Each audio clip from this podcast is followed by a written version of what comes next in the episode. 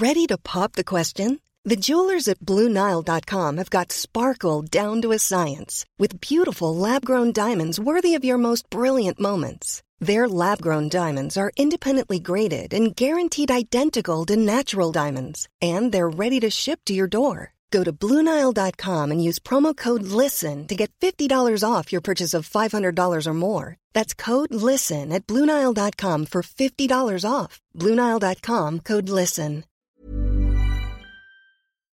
Hej, hej, hallå och välkomna. Kliv in i Astrorummet. Det är jag som är Susie. Det är jag som är Sofia och i dagens avsnitt ska vi som vanligt dyka in vad som händer kommande veckan. Mhm. Men först eh, tänkte vi att vi ska prata lite om månen Mm. och vad den står för. Vi ska gå igenom lite kring månfaser och måntecken och allt som rör månen helt enkelt. Exakt, och jag älskar ju mitt måntecken i vågen. Jag tror jag har sagt det 12 000 gånger redan.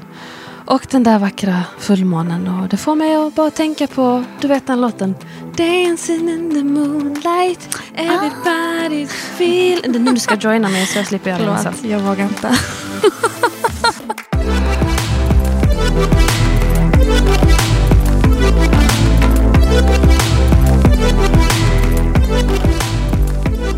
Solen är i väduren. Våren är här. Det är liksom den officiella astrologiska så. Våren är här när solen går in i väduren. Ja, men jag har väl känt av det rent konkret i form av att det är soligt ute. Eh, jag har bytt från min vinterkappa till min vårskinnjacka. Yes. Så det är officiellt för mig. Mm. Visst, det var lite kyligt med skinnjackan, men det är okej. Mm. Det är ändå officiellt för mig. Det är Mm. vår nu. Det är vår. Mm. Alltså det är så mycket, jag tycker att man känner att det är sån pushig energi. Där det bara, Vad menar du? Ja men att det är så här, um, världen är sån, vill att saker ska hända och Mm. bara nu kör vi framåt, bakåt, all, allting samtidigt. Men känner du som positiv push eller är det mer sån hetsig push? Ah, jag, tycker att jag tycker att den är positiv hittills. Mm. Absolut. Men eh, vi, vi, jag vi får se.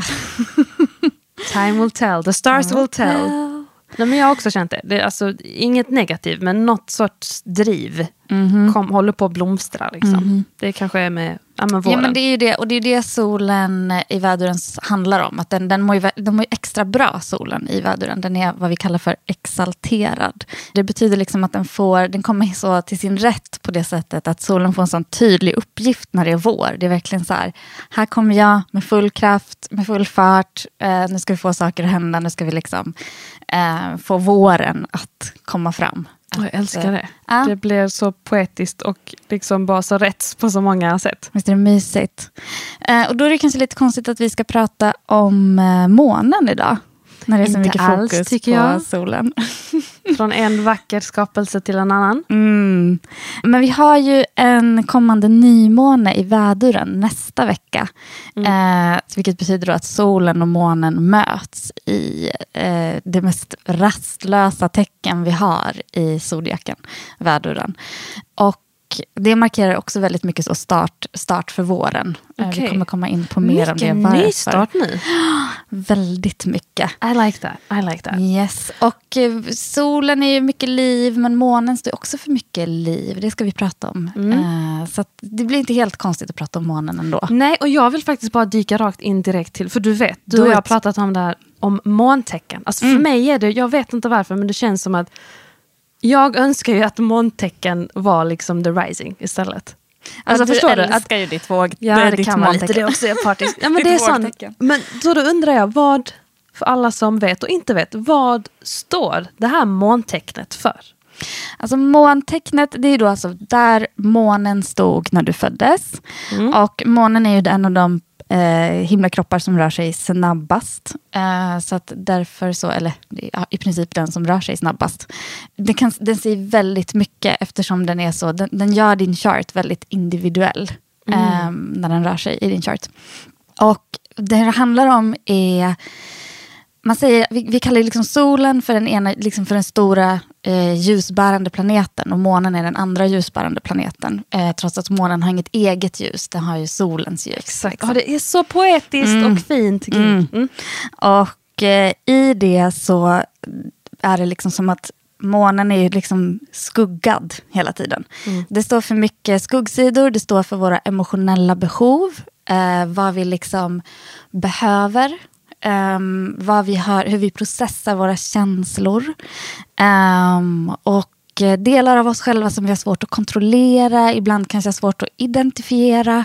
Det är många som kanske lite så kämpar med att lära känna sitt måntecken. Mm. Uh, andra har jättelätt för att hantera det.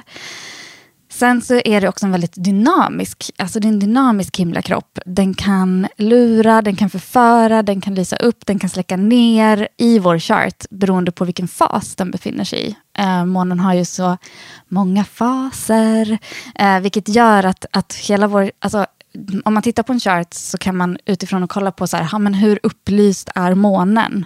Eh, så kan man avgöra ganska mycket med så här, hur fungerar den här personen inte bara emotionellt utan också över liksom hela charten.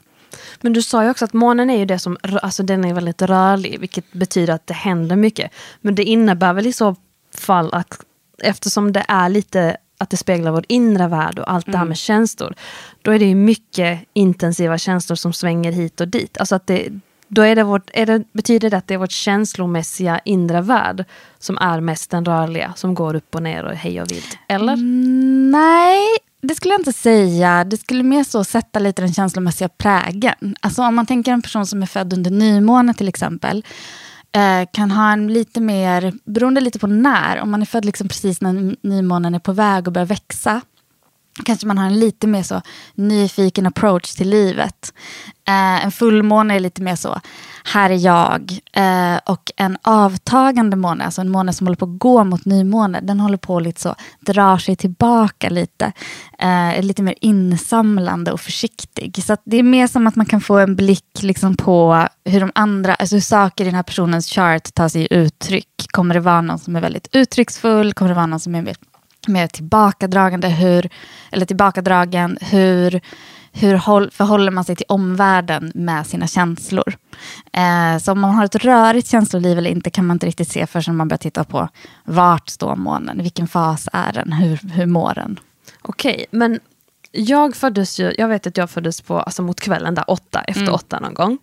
Och då har jag, jag vet inte var jag har hört det, men jag har fått för mig att om man är född på kvällen eller natten så har ditt måntecken lite större betydelse. Är det sant eller är det falskt?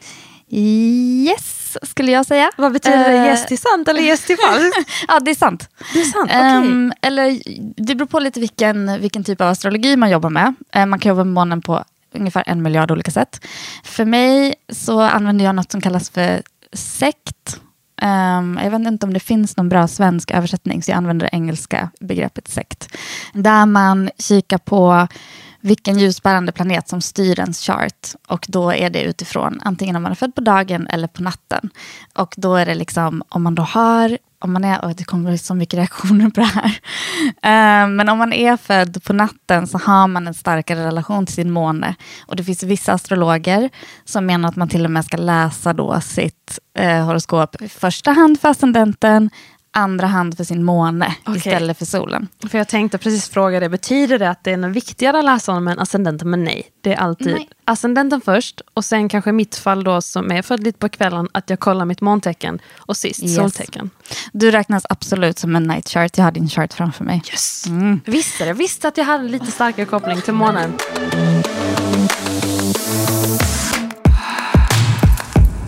Så måntecknet har stor betydelse kan mm. vi säga i stort, beroende på också på dag och kväll. Mm. Och det det säger, alltså det måntecknet försöker lära oss är ju hur vi processar våra känslor egentligen ganska mycket. Um, så att beroende på vart man har sin måne så kan man behöva olika saker för att processa det emotionella livet. Okej, okay. i mitt fall kan jag verkligen säga att Ja men det är tydligt för mig, för jag har ju min måne i vågen. Mm. Och för mig är det jätteviktigt liksom att jag ska se saker ur olika perspektiv. Jag har jättesvårt för det här med rätt och fel, sant och falskt. Jag tycker att allt är ett spektrum. Så det är jätteviktigt för mig att se hela perspektiv. Och att jag inte heller nog är så fäst vid mina egna idéer. För att jag är okej okay med att byta för att jag är så öppen. För det är jätteviktigt för mig. Mm. Och det är lite så jag tror jag utforskar mig själv och vad jag tycker, mm. vem jag är. Och den här ständiga sökandet. Jag tror också det handlar om att jag vill ha emotionell balans i mm. mig. Och det är därför jag söker så mycket. Så att jag kan se det jättetydligt i just mitt måntecken i vågen. Jag kan mm. identifiera jättemycket. Jag ser det tydligt i min vardag, hur jag känner, hur jag liksom agerar i olika liksom, situationer som har med mina känslor och relationer mm. att göra. Ja, och relationer är ett viktigt ord där också. Eh, för just vågmånen. Eh, det är en, en stor, ett stort tema. Um, och sen, alltså våg, bara som exempel då med vågmånen så är det ju liksom där är det det analytiska tänkandet som måste få kännas tillfredsställt för att liksom vara nöjd med ett beslut eller känna sig tillfreds. Liksom. Precis. Uh, så det är ett evigt, det är ett evigt så tänkande avvägande, liksom, ska det vara så i, ska det vara så, eh, dela upp saker nästan. Är lite Mitt velande, jag är jättevelig. Alltså mm. det är en börda för mig ibland till och med. Mm. Så att, eh, ja, det känner jag igen. Vad är ditt, eh, ditt eh, måntecken då? Ja, men, eh, vi har ju varit inne på det, jungfrumåne är ju jag. Mm. Um, och min, jag har ju haft ganska svårt att komma liksom till relation med den på ett bra sätt. Vad den vill är ju bara att det ska vara så Rent hemma, räkningarna betalda. Alltså det är mycket så praktisk trygghet. Bocka av, Bocka av på listor och så. Och sen är min, min måne en ganska, just i min chart så är den också väldigt social. Så att den behöver också känna att, och, och omhändertagande. Så den behöver känna att allting, alla relationer är som de ska. Jag kan bli helt stressad om det är så här, något sms jag inte svarat på eller om jag vet så här, ah, den här personen hade en jobbig dag, jag måste bara skicka iväg liksom, en koll. Så. Jätteviktigt. Och det var ju, nu har vi bara nämnt vågmånen och jungfrumånen. Så att vi är själviska. Yes. det finns ju massa andra. Eh, alla andra måntecken som man kan ha. Och om man vill läsa mer om sitt måntecken så kan man gå in på scorpiorising.se och Eh, läsa där. Och försöka också, man kan också ta reda på hur man tar reda på sitt måntecken. Och också läsa eh, veckans horoskop såklart. Jag är ju väldigt förtjust i mitt måntecken, ja. Men det är för att jag är fascinerad av själva månen i sig. Eh, och för mig är det så att det var ju månen som skapade liv på jorden på ett sätt.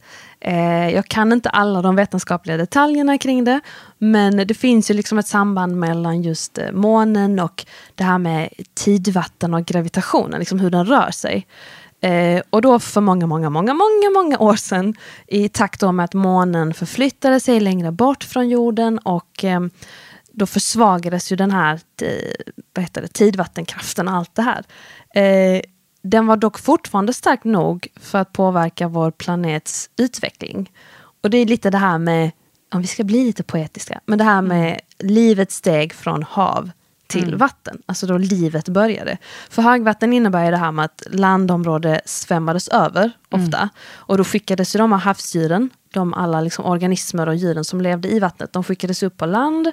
Många dog ju, för att det var inte där de levde. Men under flera eh, miljoner år så lärde ju några av dem sig, alltså man anpassade sig snabbt och lärde sig att överleva på land. Och de första organismerna, insek insekterna, började att inta landmassorna. Och det var ju, alltså det börjar ju lite så, det har ju med månen att göra och dess roll i det hela, att mm. det här livet steg från havet upp till land. Mm. För mig blir det väldigt sådär symboliskt, poetiskt och att det finns någon livskraft i det. Det är mm. därför jag tycker det är så magiskt med månen. Ja, och inte bara du. Alltså jag tänker att det här är ju, månen är ju liksom den mest mytomspunna himlakropp vi har. Alltså, det är ju den, egentligen den ursprungliga klockan, den ursprungliga tidsmätaren, alltså tidsmarkören, eftersom det är den himlakropp som vi kan så, titta på och se så här, ah, nyss var den full, nu håller den på att bli avtagande. Alltså man, back in the day så räknade man ju, alltså man räknade utifrån månen.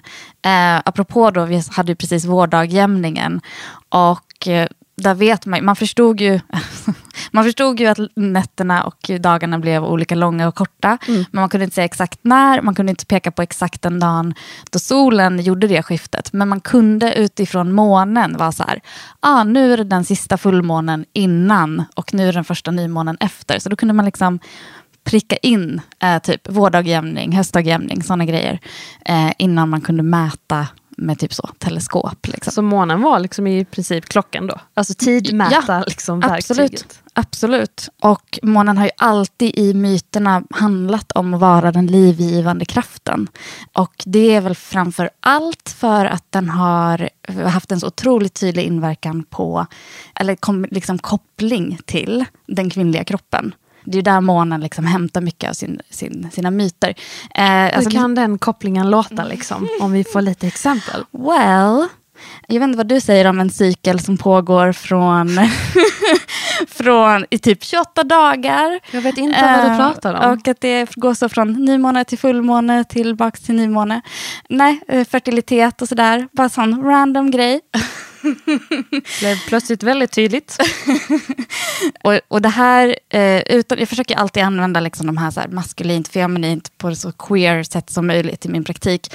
Men just liksom förutsättningarna för liv är ju eh, på många sätt liksom kopplade till just så här, kvinnliga fertiliteten. Nu blir det poetiskt. Oh, jag får lite gåshud alltså. Ehm, och, så det är, och det, dessutom så såg man ju då back in the day, alltså gud jag använder det här back in the day, men man såg ju förr i tiden också den här kopplingen mellan att det ena är att vi går från blod till mjölk. Alltså att, att månen hade den transformativa kraft, kraften också. Alltså man knyter det till först till liksom mens och fertilitet och blodet och sen så eh, Amning. födelse, amning. Wow. Alltså, man liksom såg alla de här, så här linjerna som, som drogs mellan. Så att månen kopplades till alla sådana urgudomliga liksom, fertilitetsgudinnor. Alltså alla sådana ursprungsmyter så finns det alltid liksom, en, en måne med.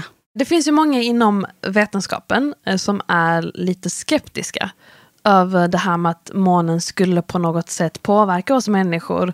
Det finns liksom inte mycket vetenskapligt bevis när man liksom läser på det. Plus att vissa studier då skulle visa att det inte finns en koppling. Du som astrolog som ändå sysslat med det här liksom länge. Vad, vad, vad tänker du kring det här? Nej, men jag tänker att den viktigaste kopplingen som vi kan göra egentligen är den symboliska kopplingen och den liksom psykologiska och kulturella kopplingen. Alltså vi har en relation till de här himlakropparna eh, oavsett. Vi har en relation till solen för att den kommer upp varje dag. Eh, och för att vi organiserar oss efter hur den, hur den går upp och går ner. Eh, och samma sak med månen. Så här, jag, jag har ingen åsikt liksom huruvida så här, ah, men på grund av att det inte finns någon vetenskap. Alltså det enda jag tänker så, ah, men okej, alla de här tusentals åren av mytbildande. Eh, det är nästan ingen som typ så är oberörd av att titta på en fullmåne. Och det tycker jag räcker i sig. Mic drop.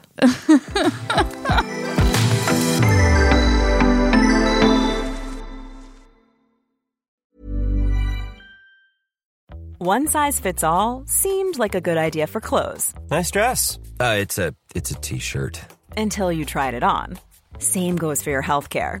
That's why United Healthcare offers a variety of flexible, budget friendly coverage for medical, vision, dental, and more. So, whether you're between jobs, coming off a parent's plan, or even missed open enrollment, you can find the plan that fits you best. Find out more about United Healthcare coverage at uh1.com. That's uh1.com.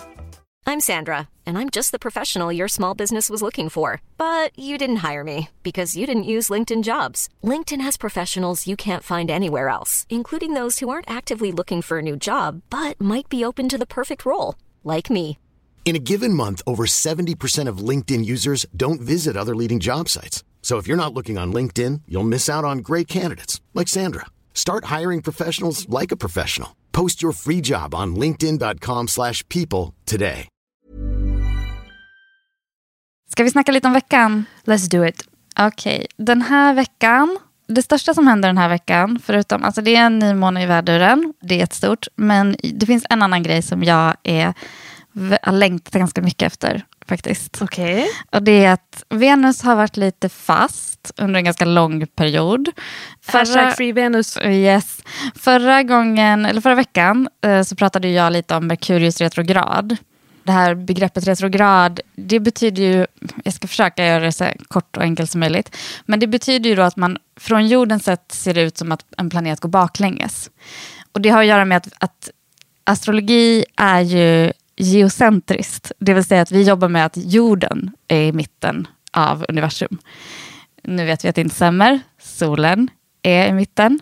Varför är det som jorden har fått den huvudrollen då, när det egentligen är solen? Därför att det är härifrån, alltså det är från vår plats, det är Okej, från vårt vårt perspektiv. perspektiv. utåt som spelar roll. Liksom. Got it. Det här gör ju då att alla planeter någon gång är retrograd.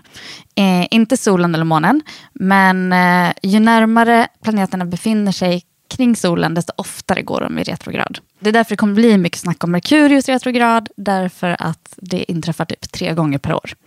Och det är därför man säkert, många av er har säkert hört talas om så här, ah, tekniken strular, det är för att Merkurius är retrograd och så. Visste jag, för Merkurius är den kommunikations och teknikplaneten. Precis. Ja, så Venus retrograd, Okej, men bara för att nu vet vi på ett tekniskt plan, känns det som, lite i alla fall, eh, om vad det innebär. Men med Venus i retrograd, vad kommer det rent konkret innebära? Vad innebär det för mig till exempel? Eh, och mina stjärntecken och min vardag? Vad betyder det för oss dödliga? Helt enkelt. Först det jobbiga svaret, det jobbiga astrologsvaret. Det är olika för alla. Det vet vi, det vet vi. Okej. Det är olika för alla i alla chart. En klassisk sån, det är så här, Venus handlar ju om kärlek och skönhet, ofta kopplar man det till. Eh, så en klassisk sån är så här, det kan bli jobbigt med, eh, med kärlek. Det kan vara, jag kommer ihåg någon astrolog som var väldigt ofta inne på så här, klipp dig inte under en Venus retrograd till exempel. Alltså Okej. så här, håll inte på att typ förändra ditt utseende. Det behöver inte alls stämma. Vissa kan ha en chart där det är perfekt timing att göra det under en Venus retrograd. Just saying. Men räcker det att man har koll på sina tre eller måste man liksom mer in på... Det är bättre att gå in lite Okej. djupare. Okej. Sorry guys. Men överlag kan man väl säga att allting som handlar om Venus teman liksom saktas in, ringas in, det blir ett djupare fokus. Alltså man kan se det som att planeten liksom plötsligt stannar i sin bana. Alltså att man bara tänker sig att planeten är en person som är ute och går. Så är det så som någon som bara stannar upp, långsamt vänder sig om, väldigt dramatiskt, går tillbaka någonstans, så här, passerar samma platser, samma personer, eh, typ dubbelkollar någonting som var lite längre bak och sen vänder sig om och fortsätter gå. Okej, det låter som långsamt. liksom Venus down memory lane. Mm, lite så är det. Och de olika retrograderna kopplas till olika saker. I Venus fall, det här är en av de mest mytomspunna retrograderna, därför att Venus gör någonting ganska fantastiskt under sin retrograd. Venus går från morgonstjärna till aftonstjärna. Det här är en sån grej som när man liksom börjar nörda ner på astrologi och inser det här, den här transformationen eh, så är det lite så här wow. Och eh, för både aftonstjärnan och morgonstjärnan är väldigt starka på himlen. Jag vet inte om du har sett Venus, om du har tänkt någon gång på så här. Inte tänkt på det Nej. och inte sett. Nej, men det, det är det som händer och det, det är ju därför Venus är så förknippad med skönhet. För att det är just den här transformationen av att så här, ett, tag är, ett, ett tag så går planeten upp tidigt, tidigt, tidigt på morgonen och liksom är nästan som så, solen före solen eh, och lyser upp lite. Och sen eh, gör, gör, eh, gör sin retrograd och återföds eh, i en ny eh, tappning som aftonstjärna. Och det är liksom det här att stråla så vackert på morgonen eller stråla så vackert på kvällen, sen försvinna och sen komma tillbaka i ny skepnad. Det är det som är liksom det stora. Jag blev helt... Det var som att jag satt och lyssnade på en saga. Okej, men jag minns ju att du sa att det här kommer ju betyda olika beroende på vilka, vilket stjärntecken man är. Men det låter som att det rent allmänt ändå är... Visst att det rör, rör upp lite grejer, men ändå som att det är en bra grej för att det innebär lite nystart. Eller det Ja. beror verkligen kanske på verkligen vilket stjärntecken man är.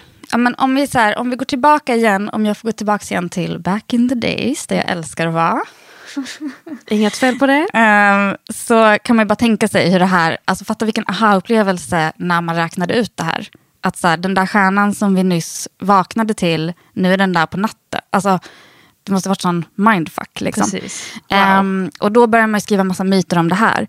En av de kändaste är myten om Inanna, också myten om Ishtar. Jag ska verkligen inte dra hela. Fast jag vill nästan det, men okej. Sagostund. Sagostund some other time. Men det som händer med Nana det är att hon är en gudinna som är tvungen att gå ner. Tror att hon ska rädda sin döende syster, jag minns inte helt, ehm, i så underjorden. Så att när Venus gör sin, liksom försvinner kommer jättenära solen och därför inte syns, så är det liksom symboli symboliken där är att hon är i underjorden, alltså gudinnan är liksom i underjorden och dör och återföds. Alltså jag var gåshud. we're having a moment here. Hon får en ny roll Eh, den här gudinnan. Eh, det handlar mycket om gåvor. Det, det finns, det, det, finns så mycket mer att säga om det här. Det finns sju portar, det finns sju faser med olika gåvor som hon ger och tar. Men poängen, liksom, eller det man har tagit med sig in i astrologin från de här myterna är just att Venus är då liksom, gåvoplaneten. Skönheten finns här. Och definitionen av skönhet, definitionen av kärlek, definitionen av vad en gåva, gåva är, det kan förändras under Venus retrograd. Och det kan betyda allt från att gamla ex börjar höra av sig, en klassisk som Venus retrograd-grej. Men det kan också betyda att man så går in i sig själv och bara, vad, vad värderar jag egentligen? Alltså vad är viktigt för mig? Vad är kärlek för mig? Vad är skönhet för mig? Så allt detta för att säga att i december och januari så var Venus retrograd i stenbocken. Okej, okay, och det innebar? Um, För stenbocken är? Uh, ett tecken, alltså stenbocken är liksom det här uppstyrda uh, jordtecknet som vill ha struktur och ordning. Många astrologer har kopplat det här, alltså Venus gör också den här, den här resan uh, gör Venus på väldigt regelbunden basis. Vart åttonde år är hon tillbaka i samma tecken som hon gjorde sin retrograd i sist. Eller som planeten gjorde sin retrograd i sist. Som åtta år är den liksom tillbaks i... Yes. Nu har, har Venus gjort den kring Pluto i stenbocken. Um, för åtta år sedan, 2014, uh, eh, inträffade det här samtidigt som Ryssland gick in och annekterade Krim. Uh, så okay. många astrologer pratar om liksom den här Venus-Pluto-effekten, Venus-retrograd-effekten i den här konflikten. Och vad vi har nu dessutom är då att även Mars är där. Och Venus är just nu fångad kan man säga, eh, mellan Mars och Saturnus. Så det vi ser fram emot den här veckan, det är att Venus ska passera, möta Saturnus och sen passera Saturnus. Och i och med att planeten gör det så kommer den inte längre vara fångad mellan Saturnus och Mars. Och det är en positiv frigörelse, eller?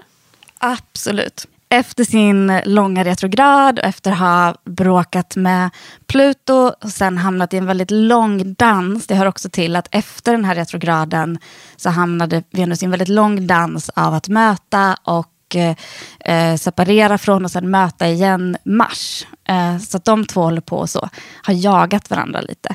Och det här är ju liksom också en så klassisk myt omspunnen liksom. Mars och Venus-dansen och Mars och Venus-relation. Så att de har hållit på där fram och tillbaka. Och nu börjar Venus liksom få upp farten och så frigör sig lite. Träffar Saturnus och sen är planeten liksom fri. Den här veckan inleds, alltså måndag inleds av att eh, Venus möter Saturnus. Och jag tror att vi kan få ganska så, alltså, eh, när, när, Venus var i stenbocken så är det ganska mycket fokus på vem har vad, det är ganska traditionella värden, det är ganska mycket fråga om makt och kontroll. Nu är Venus i, i Vattumannen. Så här, de här spända tiderna har liksom pågått i Vattumannen också. Och nu möter Venus Saturnus och då är det mer så här, hur ska vi tänka kring det här? Hur ska vi bestämma att vi tänker kring de här mm, värdena eller värderingarna som vi kanske har fått, liksom vi har fått nya sådana efter retrograden. Okej, okay, så det känns som att liksom, the notes för veckan är lite den att det kan, beroende på vilket stjärntecken, det kan innebära att du kanske får reflektera kring vad som är viktigt för dig i relationer, eh, vad du vill ha, liksom. ja, men lite så, värdering. Och sen också, för vissa kanske det innebär lite så down memory lane, att något ex kommer höra av sig. Alltså den, den, den fasen är över. Den är över, mm. okej. Okay. Retrograden tog slut någon gång i januari. Okay. Eh, men Venus har fortfarande varit liksom lite belägrad av så mycket att allt det som vi tog med oss, det som vi liksom kanske så ändrade i våra värderingar eller vår, hur vi ser på kärlek, skönhet, eh, omsorg, whatever. Det har inte riktigt fått så släppas ut, spela fritt, bara vara. eh, ta plats. Det har fått byggas upp lite och Mm, nu ska det har vi blivit liksom... lite jagat av både Mars och Saturnus. Och varit lite så här, det, är lite det har varit lite hinderbana. Okej. Det är som att komma ut från en butik med så här, en skitfin klänning och bara vara så här, okej jag ska bara sätta på mig den här jättefina klänningen. Och alla bara, först måste du så här, springa genom den här crossfit-parken och sen ska du träffa så din högstadierektor som ska skälla ut dig för någonting. Alltså du vet så här, du ska Wow. klara ett quiz innan du får sätta på dig klänningen. Och den här veckan, måndag, vi ska klara måndag, sen kan vi sätta på oss klänningen. Sen, okej, sen hashtag free Venus. Free Venus. Eh, men det är tyvärr inte det enda jag vill säga om veckan. Jag vill ju också säga någonting om nymånen i väduren. Ja, men för vi har en jättefin eh, uh, nymåne den första april. Alltså det känns, jag tycker det bara känns så här divine timing. Att det är så här en jätterastlös, eh, extremt mm, så här, o, osäkrad nymåne i väduren den första april. Och eh, nymånen sätter ju alltid igång saker. Det är alltid så, så liksom, det är alltid så ett frö som sås. Och eh, sen så bygger de upp någonting under sex månader. Så att det som är liksom, det är därför man vill så, typ manifestera under en nymåne. Eh, så att det är nymåne nu i väduren, sen kommer det vara en fullmåne i väduren om sex månader. Och eh, den här sker dessutom väldigt nära Merkurius. Eh, så att det kommer vara, det kommer vara väldigt mycket så, väldigt babbligt, rastlöst. Babblig, rastlös energi. Mycket, alltså mycket skitsnack fast på ett roligt sätt. Och mycket, det, kan, det kan bli mycket snack och lite verkstad, men det kan också bli väldigt kul snack. Okej, lite sån härlig skoj babbel som inte kanske riktigt är ger något men det är bara för stunden bara härligt. Ja, och kanske, men kanske lite så, alltså bara för att sätta igång någonting vad som helst. typ. Men Sofia, har du redan nu liksom några bra sätt som du ska manifestera något på nymånen? Eller tips för oss andra som vill manifestera något med nymånen? Jag tycker alltid att det är nice att skriva ner lite så intentioner som man har eh, inför nymånen. För mig kommer det nog handla ganska mycket om att bara göra saker. Eh, det är väldigt så aktiv, aktiv, aktivt, aktivt. Och kanske att jag, nu när vi pratar om det så kände jag att så här, eftersom Merkurius är där med kommunikation också, kanske jobba lite på tydlighet. Alltså, att vara lite så här, för Merkurius har varit i, i fiskarna ganska länge och varit jätteflummig. Flumkommunikation. Ja, och nu kanske det är dags för att vara lite så här, nej, det vill jag inte. Ja, det vill jag. Alltså väldigt tydliga. Så. konkret och rak. Ja, och bara, också bara vara så här, jag kan inte det, typ. Och sen bara gå vidare. Inte typ så här, jag kan inte det, förlåt, gud, jag måste bara, och det, och det är så mycket nu. Eller du vet, så här, inte hålla på och typ göra ursäkter. Alltså, väduren har ingenting med ursäkter att göra. Vad känner du, Susie? Jag, eh, nej men jag hakar nog, jag dockar nog an på det där du sa om att vara aktiv. Jag behöver slutföra lite saker tror jag. Lite beslut som måste tas som jag bara liksom skjutit på. Jag bara, äh, det, det löser sig. Men jag behöver nog bara liksom sätta mig ner och göra det. Min to-do-list börjar bli lite för lång och för hetsig. Så kanske sålla och börja bocka av dem. För min egen skull. När jag kikar på din chart tycker jag det låter så bra. Är det helt rätt att göra? Ja. Du har fa- alltså, det känns som du har facit där. Ja, Det här är har så det. läskigt. Du ser rakt in i... Har du, finns det saker du har lovat andra att göra som du inte har gjort än? Pratar vi stora saker eller kan Nej, smått kan vara också funka? smått, smått, absolut smått. Ja. Borde jag göra dem nu också? Okej. Vet du, en av mina favoritpoddar hade något som hette Email Forgiveness Day. Va? Ja, det var sån dag när man var så här, man fick svara, man fick en dag om året där det var så här, man fick svara på de där mejlen som man inte har svarat på på så sex månader och har jättedåligt samvete för. Och att det var så här, den dagen får man svara och ingen får bli sur för att man är svarar så sent. När är den? Jag måste anteckna ner. Den, jag vet faktiskt inte när den är, men jag tänker att du kan ha den nu. Jag tänker att vi bara kan boka in den första april för dig. Ouch, alltså. Bara slänger det rakt på mig sådär. Jag kanske är jättebra på mail, men bara... Ja. Mm. Men alla, jag bara, Nu tycker jag vi avslutar det här avsnittet. Blev lite passivt aggressivt här. Vi började så fint och poetiskt med månen och så var du tvungen att avsluta det så här. Alltså, det är bara jag som försöker hjälpa dig få din jungfruascendent att bara blomstra. Säger hon som har facit till den jag är mitt framför sig och hemlighåller håller det för mig. Liksom. Berätta för oss hur eh, ni upplever nymånen på vår Instagram. Och vi heter alltså Astrorummet på Instagram. Och ni är, alltså vi har fått så många kommentarer, liksom likes, fina ord, folk som lyssnar, folk som bråkar med mig om att Jungfrun visst det är en bra... Nej, inget bråk, men vi älskar det. Så skicka gärna liksom fler kommentarer, tankar, frågor, Feedback. Feedback, Mm, allt. Ris och ros allt. på eh, Instagram då, Astrorummet heter vi. Yes, vi vill höra allt. Och eh, ha en jättefin vecka hörni. Ta hand om er. Vi hörs nästa vecka. Bye bye. Ciao!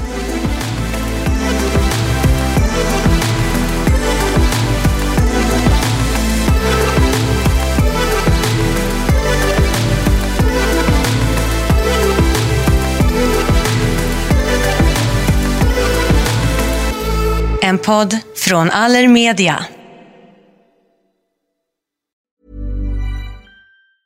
Even when we're on a budget, we still deserve nice things. Quince is a place to scoop up stunning high-end goods for 50 to 80% less than similar brands. They have buttery soft cashmere sweaters starting at $50, luxurious Italian leather bags, and so much more.